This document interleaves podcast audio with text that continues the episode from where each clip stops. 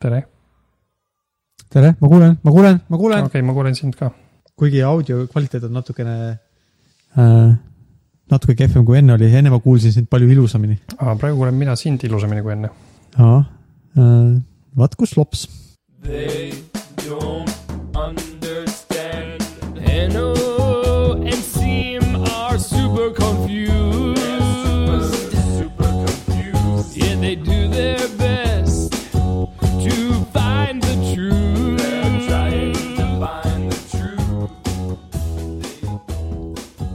see oli päris suur katsumus, see äh, kogu see tehniline asi, ma, no ma isegi, ma, ma ütleks, et ma läksin suht siukseks närviliseks, ma arvan, sellepärast mu ootused olid, et nüüd, kui mul on see tarkvara, mis ma ostsin raha eest, see on kõik nii lihtne, aga Facebook keeras kõik nässu.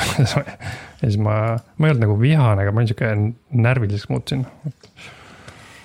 aga noh, ma loodan, et ma saan sellest üle.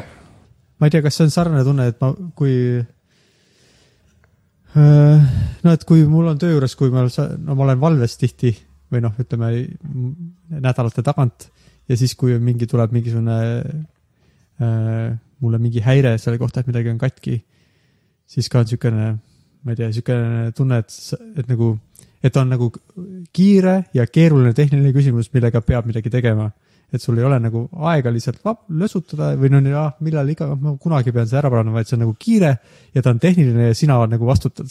ja siis on niisugune, ma ei tea, ma ei, noh natuke sihuke, ma ei tea, mis tunne, sihuke hullult pead nagu keskenduma vaimselt, et sest, et ta on tehniline, aga samas sul on niisugune, ma ei tea, paanikatunne veidikene ja siis need kaks on natuke konfliktis, et üks on niisugune, sa pead nagu hästi asjalik olema, aga teine on natuke niisugune, ma ei tea, emotsionaalselt Mm -hmm. niisugune nagu aah, tunne. mul on ka tööl mm, selles mõttes sarnaseid tundeid et kui mingi asjaga on nagu hullult kiire, vähemalt mul on sihuke tunne, et on hullult kiire. et siis see samal ajal ajab mind endast välja, aga samas ma tean, et ma pean seda kiiresti tegema, aga selleks, et ma seda kiiresti suudaks ära teha, ma pean olema rahulik ja keskenduma. et siis on, see on väga Mhm. keeruline ja siis tavaliselt Liisa mulle ütleb, et, et nagu rahune maha, et nagu midagi ei juhtu, kui ma selle homseks saan valmis, siis ma saan aru, aa, okei okay. põhimõtteliselt ei juhtu ja ma võin kliendile kirjutada, et kuule, homme on ka okei okay. ja siis klient vastab, jaa, okei okay.. et see on Mm. mm., see on üsna paralüseer-, kuidas öelda, halvav. kui ma hakkan muretsema selle pärast, et ma ei jõua valmis, mis ma teen, ma ei jõua valmis, see ei ole võimalik no ma, mina töö juures ei saa öelda, et ma homme teen korda tavaliselt mm,. see on päris, päris rets mm.. siis, siis, siis, siis, mm,. siis võiks uksed kinni panna meil mõned asjad, kui ma ütleks, et ma teen homme korda midagi mm.. Või no siis tuleks lihtsalt keegi, keegi teine reaalselt ja ütleks, et Siim on oma äh, kaine mõistuse kaotanud, ma võtan üle. asjade edasilükkamise ja uste kinnipanemisega seoses mul meenub, et me rääkisime eelmises osas Bernie Madoff, Madoffist. kelle kohta ma ei osanud eriti midagi öelda, sest ma olen ära unustanud ja küsisid, et mis tema see, ma ütlesin, et ta müüs nagu tühjust Äh, edasi, vaata mis. ta skeem oli jah, oli vist Jaa., et äh, rääkisime Bonsi skeemidest ja mingist hiljutisest ja siis Bernie, ka see hiljutine oligi Bernie Madoff jah no tema... see on põhimõtteliselt vist kõige suurem nagu Bonsi skeem ajaloos. okei, ma nüüd jälle ei võtnud omale fakte ette, aga asi, mida see, kuidas ta nagu seda tegi, seisnes selles, et esiteks ta oli väga austatud investeerija. ta oli nagu sihuke okay. nagu tippinvesteerija, et noh, ta oli sihuke nagu Donald Trump. no võib-olla, aga ta oli nagu šar-, ta oli šarmikas, ta, ta meeldis inimestele vahele. ja ta oli sihuke, ühesõnaga kõik teadsid, et nagu kui, et kui tema pakub sulle, et kuule, tule investeeri raha mu firmasse, siis see nagu seda sa ka teed, seal ei ole kahtlustki, sest et ta nagu alati, tema need tingimused olid väga head, et see, kui palju sa said tagasi, oli alati sihuke stabiilne protsent, mis said tagasi, vist mingi kaksteist protsenti, mis on vist mingi suht suur protsent investe-, investeerijate maailmas. tundub küll päris palju jah. Mhm. ja siis oligi nii, et, et noh, oletame, et sul on palju raha, tahad mingi miljoni investeerida kuskile ja siis Bernie Madoff pakub sulle sihukest võimalust. ja siis sa annad talle miljoni ja sa saad sealt regulaarselt eh, raha tagasi ja tead, su in- investeerimisega läheb hästi. ja ta tegi nii nagu hästi palju, ta ütles hästi paljudele inimestele, et mul on sihuke hea koht, kuhu sa saad oma raha panna ja saad sealt raha tagasi. ja siis ta tegi seda väidetavalt vähemalt viisteist aastat, kus ta lihtsalt küsis inimestelt raha ja kuna nii paljud inimesed andsid talle raha, siis ta sai seda väik-, vähest raha tagasi anda, sest noh, nagu pankades vaata, et see, et inimesed annavad sulle raha sisse, aga nad ei taha seda kõike välja võtta. aga kui tuli see kaks Aa. kaks tuhat kaheksa aasta see eh, finantskriis, siis inimesed tahavad ikka raha nagu tagasi enda, enda kätte võtta ja siis, kui kõik inimesed hakkasid oma raha välja võtma, siis tuli välja, et mingi hetk sai raha otsa ja, ja ma leidsin nüüd selle numbri, kolmkümmend viis miljardit nagu läks kaduma, sest et ta lihtsalt valetas kõigile. okei okay,, sisuliselt tema see skeemi või produkt oli investeerimine. ta ütles, et ma investeerin seda hullult hästi. aga seda, et äh, nagu jätta seda muljet, et on hullult hästi, selleks ta kasutas uute inimeste raha, kes andsid talle raha, et tema, et ta seda ka investeeriks. just täpselt, et sihuke, seni, kuni lõpuks enam lihtsalt ei jätkunud või noh, tuli kriis ja inimesed tahtsid reaalselt äh, rohkem tagasi saada, kui ainult seda. jah, et see on nagu noh Mhm., pankades see on teada, on ju, kõik inimesed ei saa pangast raha välja võtta, sest et seda ei ole. aga tema, Mhm. noh, tema, temalt oleks teoreetiliselt pidanud kõik oma raha välja saama võtta, kui sa oleks tahtnud, aga kuna ta oli nii austatud ja usal-, usaldusväärne, siis kõik lihtsalt andsid talle oma raha ja võtsid omal seda protsenti välja, mis oli nii hea, sest et kogu aeg sa said regulaarselt oma protsenti sealt, super. siis, kas äh, ta oli juba enne, enne tuntud? ja, ja ta oli mingi viiskümmend aastat tege-, tegutsenud vist selles Okei. alal ja tal oli suur firma, mis oli väga usaldusväärne firma ja kõik, kõik, nii et ta kunagi ta tegi ikkagi midagi muud ka, kui lihtsalt sellist Jaa. investeerimisskeemi. arvatavasti küll jah, ta alustas nagu hästi ja ilmselt, ma vist kuulasin, mingi podcast oli ka, kus ta vist rääkis sellest, et ta, et ta nagu vaikselt niimoodi hakkas seda tegema ja siis tal noh, et tal ei olnud nagu sihuke plaan, et davai, nüüd ma hakkan, hakkan kõigile valetama. Mm. ta vist nagu natuke tegi ja siis tegi natuke veel ja natuke veel ja lõpuks ta nagu. et, et ta ütles ka, et kui ta tuli välja, et ta, teda tuleks arreteerima, siis tal oli sihuke meeletult suur nagu raskus langes ta õlgadelt. et sest, et ta Mm. ilmselt kartis seda kogu aeg, kõik need aastad. ja nagu ma ütlesin, see okay. üks film on ka temast äh, Robert De Niroga, kus on, see ei ole nagu muid- muidu äge film, aga kui see teema huvitab, siis see on võib-olla huvitav vaadata. ta perel läks väga halvasti pärast seda, kõikidel ta pereliikmetel. mõned, mõned tapsid ennast ära, mõned läksid, on vihatud ühiskonna poolt ja, ja paljud kliendid on nüüd probleem, et sihuke Bernie Madoffi eh, ohvrite fond on, kuhu inimesed tahavad annet- annetada raha, et kõik need inimesed, kes kaotasid, sest kõik ei olnud mingid rikkurid, kes talle raha andsid, olid ka siuksed tavainimesed mm. -hmm. ja noh, paljud nagu jäid kõigist nagu Bitcoiniga ka. Bit-, Bitcoinis, ma jälgin Bitcoini või no ma olen Bitcoini Redditi subscriber, ma eriti ei loe seda, aga aga ikka, kui seal on mingisugune see allapoole läheb parasjagu, siis inimesed postitavad sinna suicide helpline'i numbreid ja teevad siukseid asju. mm.. sest mõned inimesed on vist päris palju oma sääste sinna pannud jah, päris kurb, päris kurb lugu. äh,. ma märkasin, et sa olid pannud ka meile ühe lugeja küsimuse ma panin, ma panin jah, Ivo, Ivo saatis ühe küsimuse, mis. mis Ivo küsis küll? aa, leidsin, Ivo, küsis niimoodi no.. rääkige, mis on teie lemmik podcast'id ja miks või noh, mida kuulate. kusjuures, kui me hakkasime seda podcast'i tegema, kui me hakkasime podcast'i tegema, siis äh, äh, üks kuulaja ütles, et ärge vähemalt rääkige seal podcast'is, mis podcast'e te kuulate. sest see on, noh, ma saan, ma saan sellest veits aru, ma näiteks ei viitsi korrata eriti mingeid podcast'e, kus inimesed räägivad, mis muusikat nad kuulavad ja miks, sest et äh, tea, mind nagu nii väga mm. ei Mm. huvita, mis muusika teistele meeldib, kui mulle see ei meeldi. ja ma ei ole väga, väga sihuke inimene, et ma siis lähen, aga podcast idega ausalt öeldes ma olen sihuke inimene, kes läheb, kuulab, kui keegi väga veenvalt soovitab midagi. aga ma kujutan ette, ma olen ka mitut, paljud podcast'id mul ongi nii, et olen ühes podcast'is, on olnud teises podcast'is külaline ja, siis ta on mulle meeldinud ja siis ma olen Mhm. kuulanud. jah, jah. ka seda teist podcast'i, kust külaline pärit on. ma, kusjuures ma kuulasin eile vist esimest korda mingit sellist saadet. Ma ütlen podcast'ile ümber saade, see on nagu kuidagi eestipärasem, kus see, mis ongi, mida idee ongi see, et seal on kaks külalist, kes räägivad, mis saateid nad kuulavad. et see on sihuke, noh, see on selles mõttes okei okay,, et sa lähed ja tead, et seal ongi ainult sihuke teema. ja siis ma sain sealt umbes neli uut saadet, mida ma võib-olla proovin kuulata. mm.. aga, aga võib-olla siis ei tee väga pikalt vähemalt, et seda Jah. teist inimest mitte liialt häirida mm, -hmm. Mhm. et mis on kõige lemmik, mis su kõige lemmikum või lemmik kolm tükki on midagi sellist mm. -hmm. No ma siis ütlen lühidalt, kõige lemmikum mul on, ma arvan, heavyweight, heavyweight nagu raske kaal. kus üks tüüp, kes on väga vaimukas samas ajal ka südamlik ja samal ajal ka veits kohmakas, aitab mingitel inimestel lahendada väga pikaajalisi siukseid äh, probleeme, näiteks aitas oma isal ja oma isa vennal üle, ma ei tea, mitmekümne aasta kokku saada ja rääkida ja justkui ära leppida. Ja see, mm. see on hästi sihuke alati sihuke emotsionaalne, aga ka naljakas ja ta on hästi tore tüüp, nii teine, teine lemmik podcast on Reply All. Reply All nagu see nupp, mida sa vajutad, kui sa vastad kõigile inimestele email'is. samuti tüübid, kaks tüüpi väga äh, sümpaatsed. ja teevad mm. hästi mulle ka see väga meeldib.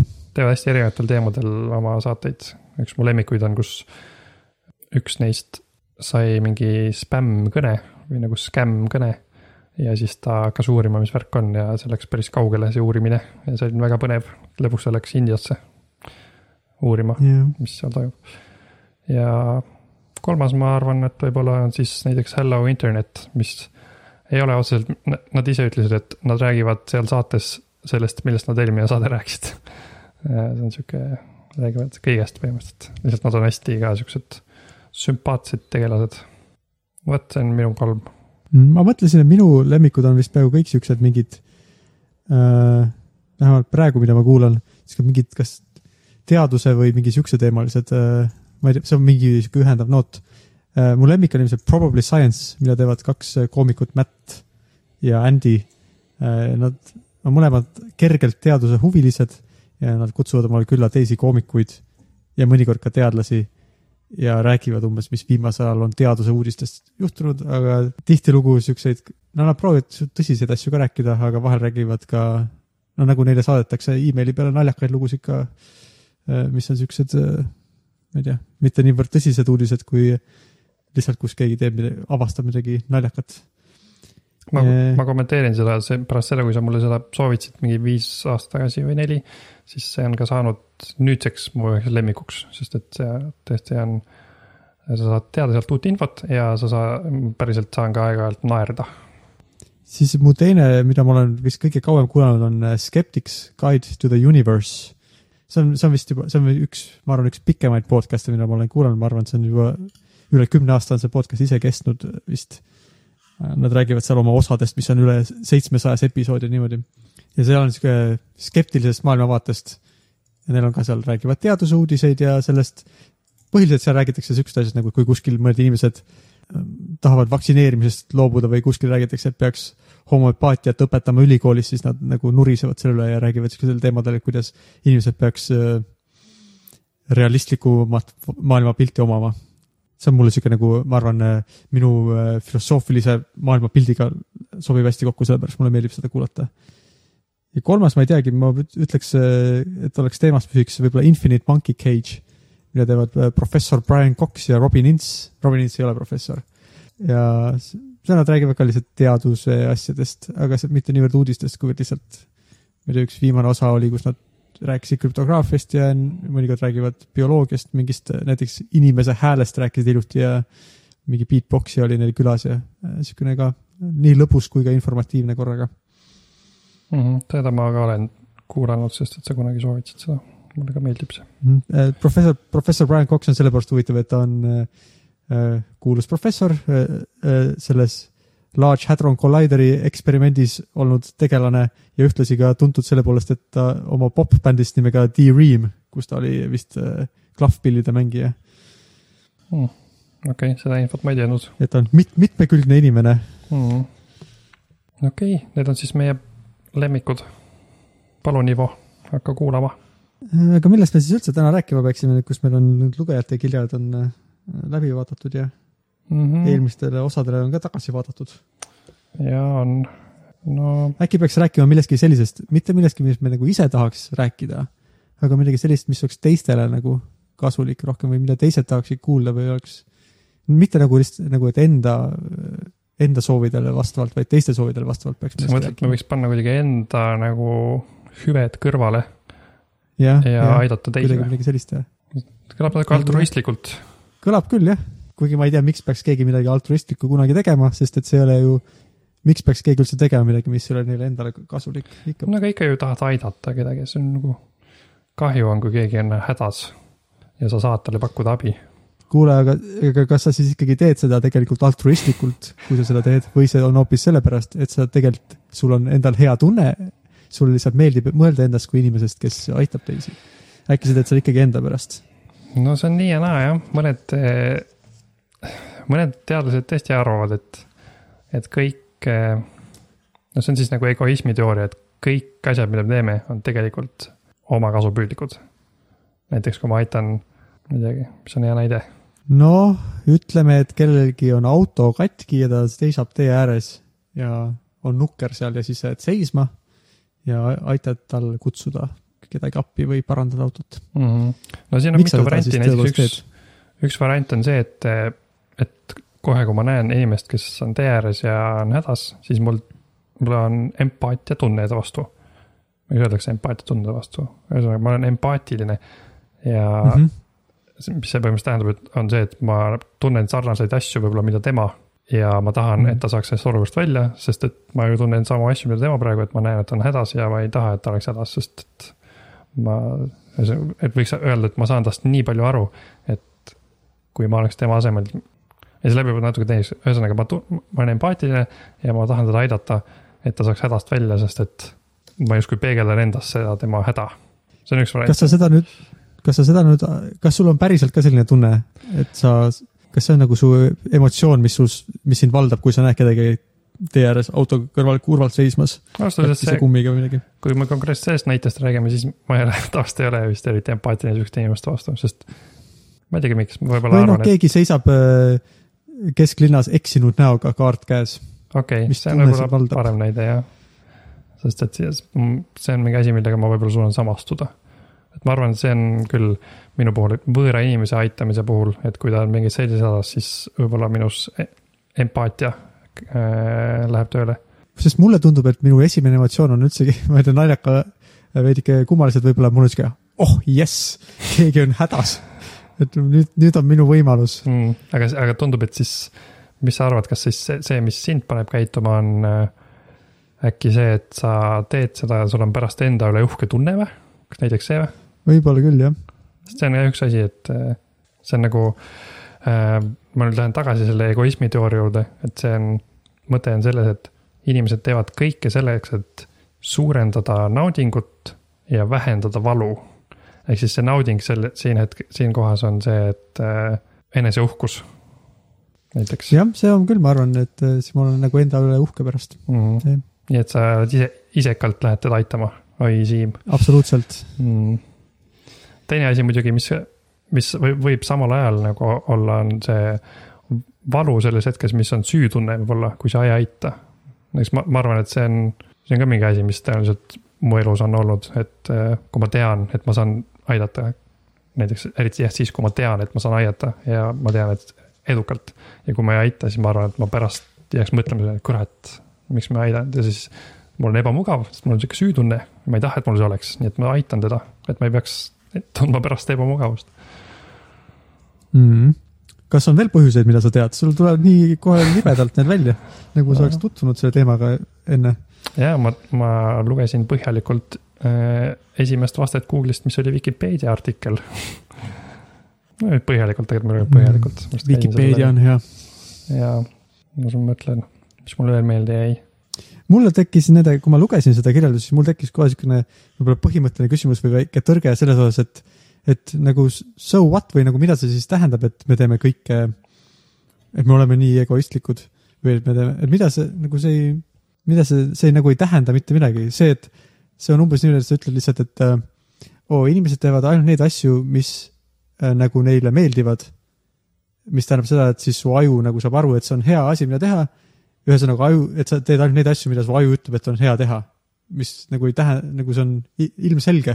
loomulikult sa teed neid asju, mis sulle meeldivad, et kui sa oled otsustanud, sulle meeldib olla altruistlik inimene ja teisi aidata, siis see meeldib sulle ja siis sa teed seda ja nagu ma ei tea, sama hästi nagu sa oled otsustanud, et mulle meeldib börsil investeerida, nagu see, see ei tähenda nagu midagi siis, nagu, et inimesed oleks kuidagi kalgid või külmad minu meelest, see on lihtsalt nagu enam-vähem kirjeldus sellest, et kuidas aju töötab.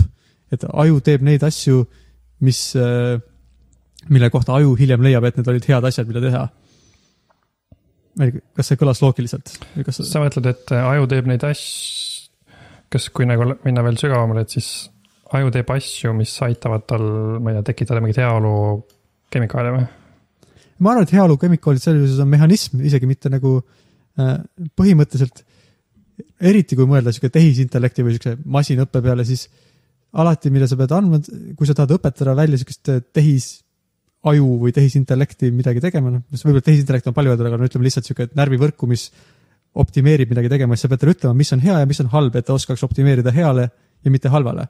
et äh, arvuti sees on selle jaoks, sa kirjutad programmi, mis talle ütleb, eks ju, mis tulemus oli hea ja mis oli halb. aga aju sees võib-olla on selleks mehhanismiks jah, mingi kemikaal või mingi naudingu, ma ei tea, mingisugused kemikaalid või ajuosad, mis otsustavad, kas oli hea või halb. aga põhimõtteliselt lihtsalt aju on masin, mis optimeerib äh, tegevust niimoodi, et, et mis iganes see nagu see heaolu signaal on, et seda suurendada. ja see on nagu, see ei kõla mulle nagu, et see tähendaks midagi halba inimeste kohta või seda, et altruism ei oleks nagu päris kuidagi sihuke.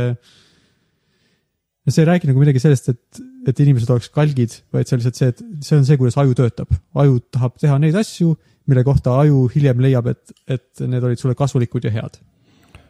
nojah, sest see on mõnes mõttes loogiline, et kui noh, lihtsalt mingid inimesed mõtlevad, kas siis ükski tegu, ükski hea tegu on puhas, puhtalt see, et sa, et, et sa, et see ei ole kuidagi sinuga seotud ja sa tahad teise inimese head, aga, aga noh, see on veits loogiline, et, et sa ei tee mitte midagi, kui sa ei saa sellest mitte midagi nagu, kui noh, see on veits, no põhimõtteliselt me rääkisime nagu seda vist jah, selles e- eelnevates osas ka aju teemal, kuidas ta nagu noh, et seda on nagu ette määratud protsess ja tal on mingi, mingi kogemus on omandanud ja ta teeb midagi.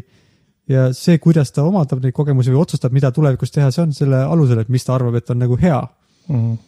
ja üks osa heast võib olla see, et kas see on altruistlik, see, selles mõttes, et, et minu arust mõned need, sul oli ka need teised uurimused, mis, millele sa viitasid ja millest me võib-olla natukese aja pärast räägime, aga et, et nagu tundus, et mingites olukordades inimestel on küll sihuke sisse kodeeritud, et neile tundub hea, kui nad teisi aitavad.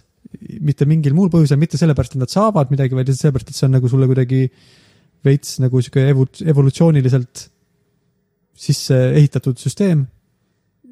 ja okei okay,, sul on hea tunne, et sa aitad, aga see hea tunne on sellepärast, et et, et ajule märku anda, et seda asja peab tegema, mitte et, et sa kuidagi, see teeks sind kuidagi silmakirjalikuks, et sa tegid seda tegelikult ainult enda pärast.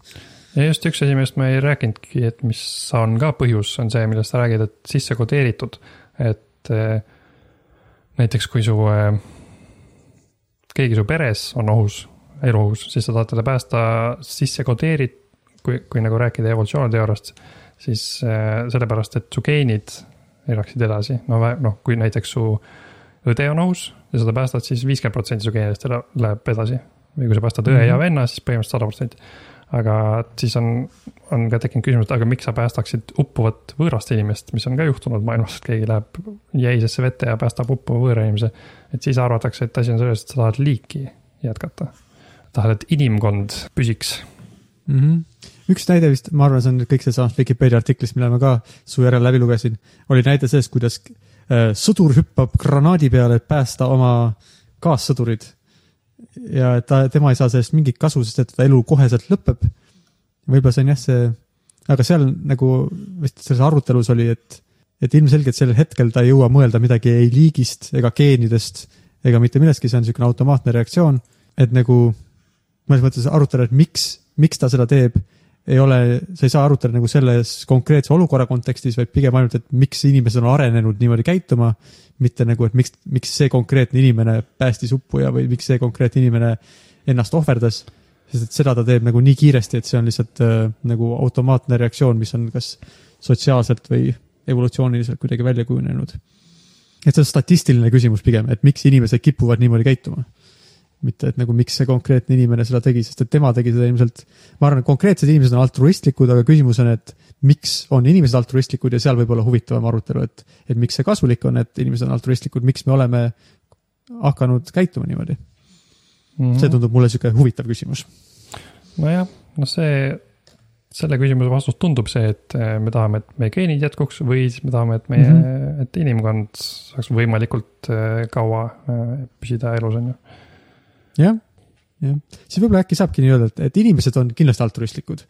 ainuke küsimus on selles osas, et kas äh, nagu, nagu üksikinimesed oma käitumises võivad olla väga altruistlikud, teha asju, mis on ilmselgelt nagu puhtalt sellepärast tehtud, et teisi aidata, aga võib-olla on nagu inimkond kui liik ei ole altruistlik, sest et ta teeb tegelikult seda nagu oma kasu eesmärgil või su geenid ei ole altruistlikud.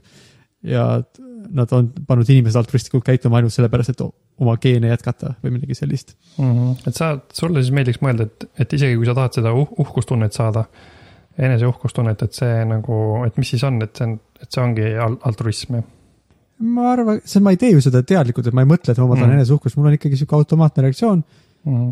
nagu see lihtsalt ma, ma arvan, see eneseuhkus on nagu mehhanism, mille abil öö, geenid on mind kodeerinud olema altruistlik mõningatel nendest põhjustest, mida me arutasime, et geenid on, evolutsiooni käigus on inimesed arenenud teisi inimesi toetama, sellepärast et lõppkokkuvõttes on see sulle kasulik, kui su ümber läheb ka inimestel hästi, sest et nad saavad sind siis omakorda toetada või, või su perekonna geenid saavad edasi liikuda ja kõik need põhjused. Mm -hmm. aga lihtsalt mina isikuna, ma arvan küll, et ma ei tea, kas mina olen suur altruist, aga kindlasti need inimesed, kes, inimesed ikkagi tõesti pühendavad oma elusid mingitele asjadele, mis ei ole neile isiklikult otseselt kasulikud ja see, et nende geenid sellest kuidagi edasi lähevad, ma arvan, seda ei saa lugeda, et, et nad teevad nüüd seda selle nimel.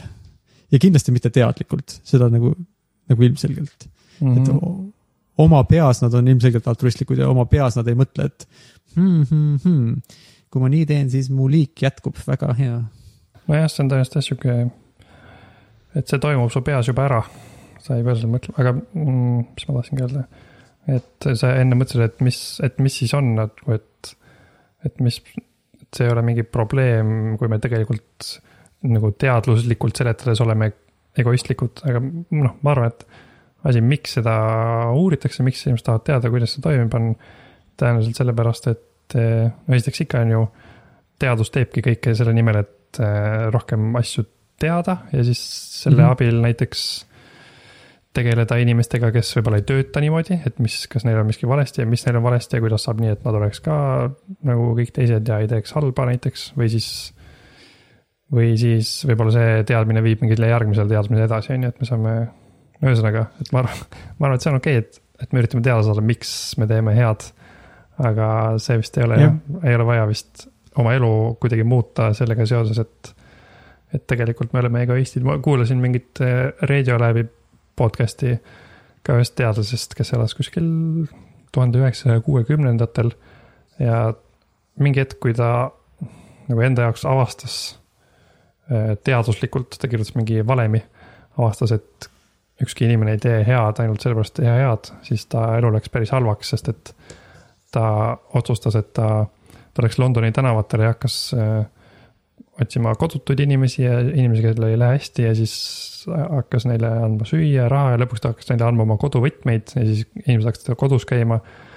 ja ta tegi seda paar kuud, kuni tal sai raha otsa ja ta muutus ise kodutuks.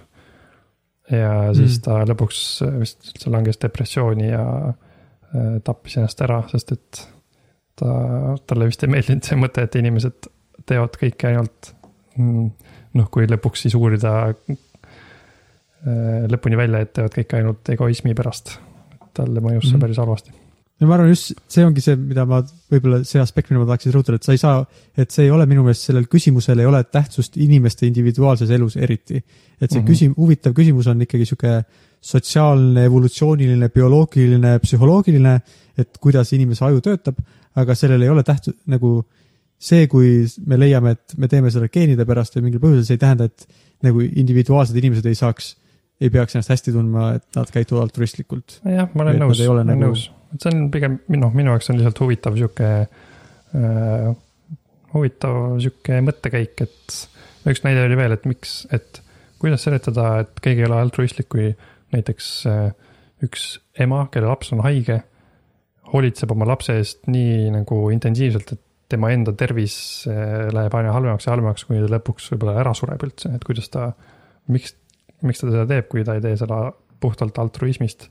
ja siis teised, kes selle vastu nagu ütlevad, et no see on ju ilmselge, et ta äh, võib-olla ta ei, ei arva, et ta sureb ära ja arvab, et ta laps kunagi teeb, hoolitseb tema eest ka nii palju. või siis teine asi on see, et ta ei taha elada selle valuga, kui ta näeb, et ta laps sureb ära. sellised variandid. jah, selles mõttes, et ma arvan, et kui sa seda nii, need seletused on loogilised selles mõttes, et võimalik, et aju sees toimuvad siuksed kalkulatsioonid, Mm -hmm. Aga ma ei tea, kui palju väärtust neil sellel seletusel on nagu, nagu et selgitada seda käitumist kuidagi, et ja väita, et ta ei ole siis alt, et ta ei teinud seda nagu heast südamest. ei, selle, aa, ta ju ainult ei tahtnud, et olla kurb see või nagu valu tunda oma lapse surma pärast, et siis ta on ikka nii isekas. jah, lõpuks otsustame, et on ikkagi isekas, et see ei ole mingi uudis. ära, ära seda publish'i, see ei ole mingi uudis, see isekas emo. Mhm. lihtsalt ainult tahtis valu vältida. Selline egoistlik inimene. mm,. aga muidu, muidu jah, siuksed, ma panin siia märkmetesse ka, et äh, mõned uurimused, mida on tehtud lastega, näiteks tehti neljateistkümne kuu vanuste lastega, et mm. -hmm. see on see Laura Cirelli uurimus või see on see Laura Cirelli uurimus jah, kus ta mm? -hmm. kus ta uuris siis seda, et eh, tehti sihuke katse, et lapsed pandi täiskasvanud inimeste külge kõhukottidega ja siis eh, need inimesed, kelle küljes nad on niimoodi, õõtsusid muusikarütmis. ja siis nende vastas olevad täiskasvanud õõtsusid nendega samas muusikarütmis. ja siis pärast, kui neil need, see laps ja see inimene nende vastas, kellega nad koos õõtsusid, mängisid midagi seal maas ja täiskasvanul kukkus mingi asi maha ja ta teadski, et ta ei saa seda kätte, et siis oli, ma ei mäleta, mitu korda tõenäolisem, võib-olla kolm korda tõenäolisem, et see laps aitab neil selle üles võtta. Versus see, et kui, kui see inimene õõtsus nendega mitte sünkroonis, siis nad ei aidanud teda nii palju, sihuke huvitav. kas seal oli ka, kas seal oli ka, et mingi võrdlus, mulle tundus, ma lugesin sellest artiklist ainult selle kokkuvõtte läbi, et nad viitasid ka, et kas neil oli seal veel mingi, veel mingi inimene juures, kes üldse ei õõtsunud ja nende puhul ei olnud ka mingit muutust või, või, või ma jään sassi? või, või see oligi see inimene või see, see oligi siis see, see juht, kus ta õõtsus teises rütmis? ma, ma sain nii aru, et see üks teine uurimus, mida tegi Rodolfo Barragan Stanfordis oli, et äh, täiskasvanu mängis lapsega. rääkis lapsega ja mängis nagu palliga. noh, veeretasid palli omavahel edasi-tagasi, veeretas laps veel, laps veeretas tagasi. ja siis oli enam-vähem sama, et kolm korda tõenäolisem oli, et see laps aitab seda täiskasvanut, kellega nad palli edasi-tagasi veeretasid. aga vähem aitas seda täiskasvanut, kellega nad, kellega nad ei veeretanud palli edasi-tagasi, vaid mängisid nagu omaette palliga. mm,. okei okay.. selle Laura Cirelli uurimuse, ma vaatasin natuke neid viiteid ja seal oli lihtsalt nii toredad olid need igasugused teised nagu seotud artiklid ka sellega, kus oli, et kui inimesed laulavad koos, siis pärast nad äh, toetavad üksteist rohkem finantsiliselt ja, Mm. ja mingi ka mingi grupitantsu tulemusel, kuidas nad äh, nagu siuksed, et sihuke natuke nagu siukene väga malbed ja mahedad asjad, mida inimesed koos teevad, veits hipilikud ja siis pärast oli võrreldud siukseid väga praktilisi stsenaariumeid, kus inimesed hakkavad siis üksteist palju rohkem usaldama ja käituma üksteisega palju vastutulelikumalt. Mm -hmm. see oli päris huvitav. see on päris huvitav jah. ma olin ka keskkoolis laulukooris, aga õnneks keegi keegi ei ole mult finantsilist abi tahtnud seal. aga no sõpradeks ma sain nendega küll jah. mis sulle siis nendest uuringutest kõige rohkem äh, nagu üllatavam oli või kõige äh,, et ühelt poolt ma saan aru, et, et juba väikestel lastel on sihuke altruismi, on mingisugune sihuke altruismi pisik sees, et mitte võib-olla täpselt nii nagu täiskasvanutel, aga midagi juba eksisteerib. ja teisalt, et see on kuidagi sihuke suunatud, et just nendele, kellega inimesed on koos aega veetnud või koos midagi teinud. Kas need on nagu põhilised asjad? no vist jah, et see viim-, see viimane uurimus, millest me rääkisime, Rodolfo Barragani uurimus, see palliga. et seal on vist mm. -hmm. ta arvas, et asi on selles, et eh, kuidas eesti keeles öelda, retsiprooksus või, et see, et see nagu tagasitegemine nagu või? tagasitegemine jah, et kuna te olete enne teinud midagi koos, ma saan nii aru, et siis hiljem, kui see inimene on nagu hädas, siis ta justkui noh, teeb talle hea teo tagasi. et see on ka vist Mm. seda, sellest me enne ei rääkinud, aga see on ka vist üks sihuke asi, miks inimesed head teevad, kui keegi on enne teinud neile head, siis nad teevad head midagi tagasi. Mm, väga piinlik on küll ei öelda kellelegi, kes on sind aidanud, jah. on küll piinlik jah. ma kuulasin hiljuti ka ühte saadet, kus üks inimene ütles, et ta ei kutsu kunagi appi eh, kedagi, kui ta kolib, sest et siis ta teab, et ta peab pärast minema neile appi, kui nad kolivad. Et ta kolib Mm. alati üksi kõlab nagu hea plaan. mm.. mind ei ole kunagi vist keegi kolima appi kutsunud, õnneks siis ma ei ole veel omandanud seda väärtuslikku õppetundi. mind ka vist ei ole või vähemalt ma ei ole läinud ja ma olen ära unustanud, keegi mind kutsunud. üks, üks TED Talk on, mida ma ei pannud siia linkide juurde praegu, aga seal äh, oli sihuke huvitav, huvitavad numbrid äh, oli välja arvutatud, et kui kümme protsenti kõige rikkamatest maailmas annaks oma äh, rahast või oma omandist ära kümme protsenti. ma täpselt nüüd ei mäleta, mis numbrid olid, ma panen selle lingi ka, aga siis selle rahaga saaks äh, vist äh, eemaldada maailmast nälja täielikult mm. -hmm. siis saaks äh, mingi hunnik haigusi, oli seal nimetatud. Saaks need nagu nendest lahti saada ja siis äh, üleüldse teaduse uurimust saaks kolmekordistada. ja vist veel midagi seal veel, pluss leiaks veel raha üle, et kaks korda Marsil käia. nagu inimesed saaks kaks korda Marsil käia. ja see on ainult esimese aasta jooksul, et teise aasta jooksul peab siis ka välja mõtlema, mida teha selle rahaga. kümme protsenti kõige rikkamaid inimesi annaks oma kümme protsenti ära mm,. see on juhtu. naeruväärne jah, tundub, kui, mm. -hmm. kui ebaühtlaselt on rikkus meie ühiskonnas jaotunud.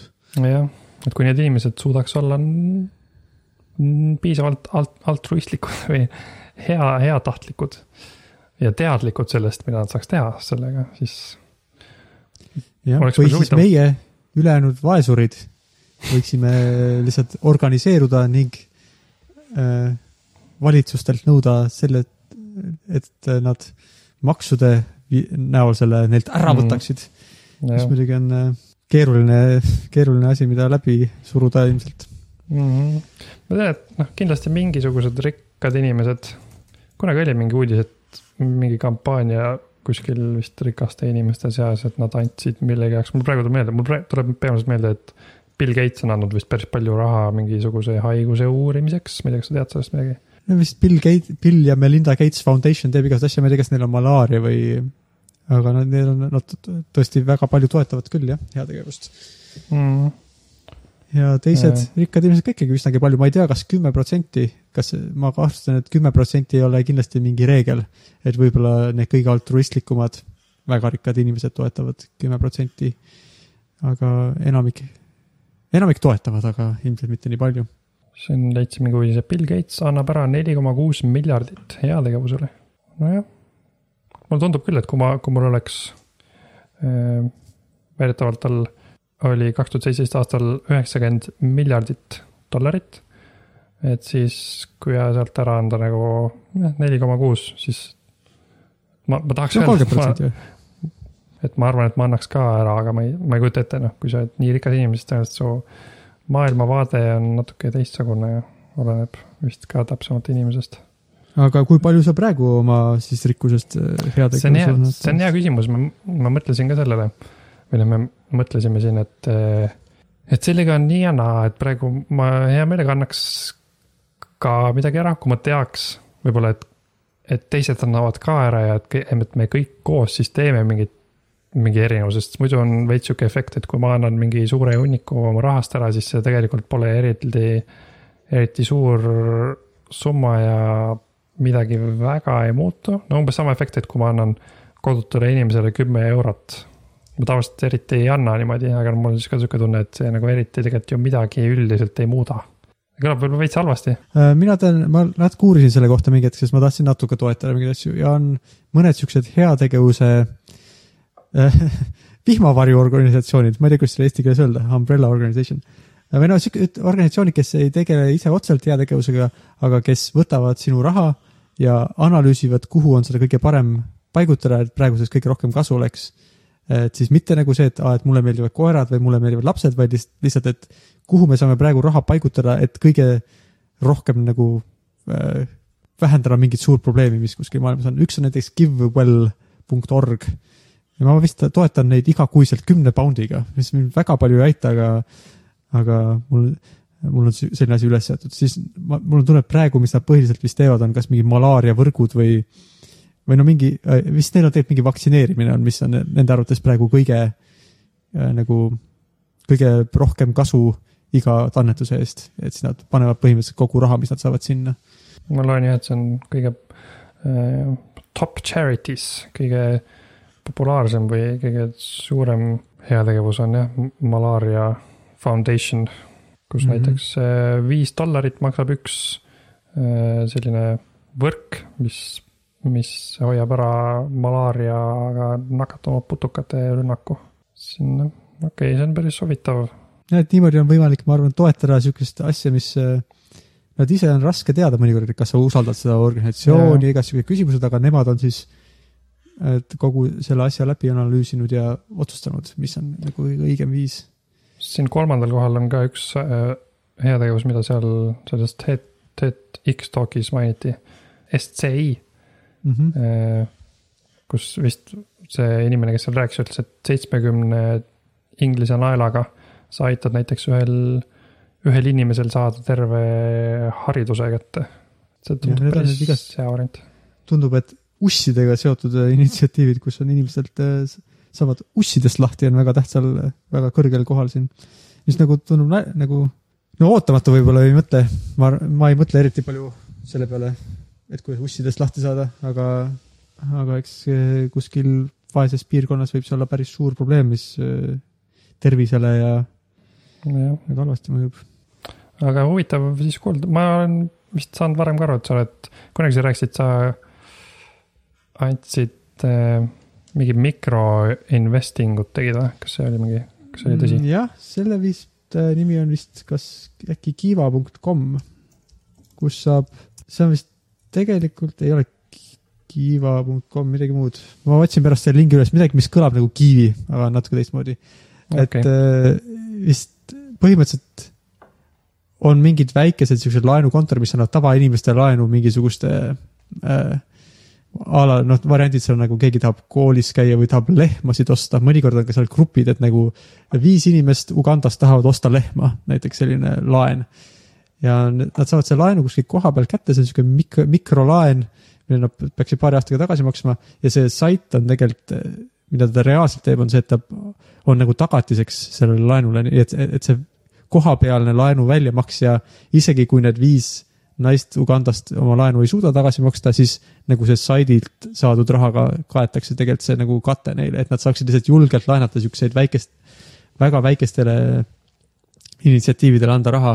Nad muidugi teevad omalt poolt ka siukest, kontrollivad, et oleks laen korras ja siis ma olen vist andnud seal kahekümne viie dollari kaupa vist tavaliselt inimesed finantseerivad neid laenu või noh, tegelikult reaalselt pakuvad tagatisi.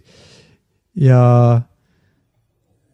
üks vist, ma olen vist, mul on tunne, et ma olen teinud seda nüüd kuus korda, et ma tegin kolm korda alguses ja siis need, kas laenud lõppesid ära ja siis ma tegin veel kolm. ja mul tulnud üks neist, mis oli vist, et, et selle, et seda ei õnnestunud tagasi saada, nii et ma ei tea, kuidas see, kindlasti on neil veebisaidil oma stat- statistika ka. aga noh, see oli tegelikult toredad asjad, keegi tahtis koolis käia või kellelgi oli vaja, oli mingi väike nurgapood kuskil ja tahtis sinna nagu rohkem inventari, et ta saaks rohkem raha selle teenida, et tal oli vaja nagu väike, et ta saaks osta omale inventari, mida müüa.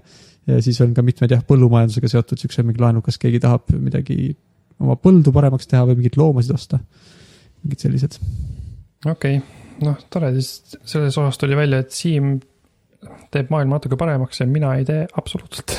noh, seal on nii väiksed asjad ka tegelikult, sest et ausalt öeldes tõesti mingi kakskümmend viis rahaühikut paari aasta tagant anda on mm. väga vähe ja isegi tegelikult ma arvan, mingi kümme või paarkümmend rahaühikut oma igakuisest sissetulekust anda on ka sihuke asi, mida ma arvan, enamik inimesi, kes ei ela nagu nagu sissetulekust sissetulekuni peaksid saama omale seda võimaldada ja saaks näidata. aga ma olen su teise mõttega, mis sa ütlesid alguses, et, et me kõik koos seda teeksime, sellega olen täitsa nõus, minu arust on natuke imelik, et inimesed peavad, igaüks peab individuaalselt otsustama, et nad tahavad, et maailm, et nagu ma ei tea, et malaariat ei oleks või et lastel ei oleks usse või mis need initsiatiivid on. et on kummaline, et selleks on vaja koguda indiviid, indiviididelt raha, et nad toetaksid siukseid asju, et see, et mõned neist asjadest tunduvad, et need peaks tõesti olema nii, et me oleme kõik ühiskond kollektiivselt otsustab, et usse ei peaks kellelgi olema, nii et tegeleme selle probleemiga. et see tundub, et prioriteedid võiks olla nagu mm, seal kõrgemal levelil juba teistsugused. et võib-olla selle kümme protsenti kümnest protsendist samamoodi, et, et on imelik, et me peame nagu, natuke imelik, et mõningad siuksed nagu hirmsad probleemid, mis maailmas on, et nende, et nendega tegelemiseks on meil vaja, et Bill ja Melinda Gates annaksid kümme protsenti oma rahast ja et sina ja mina annaksime oma raha selle asemel, et see kuidagi siis ma, tundub, et enamik inimesi oleks nõus sellega, et noh, et me pea, et, et võiks, võib-olla kõik maailma riigid peaksid nagu natukene selle jaoks toetama.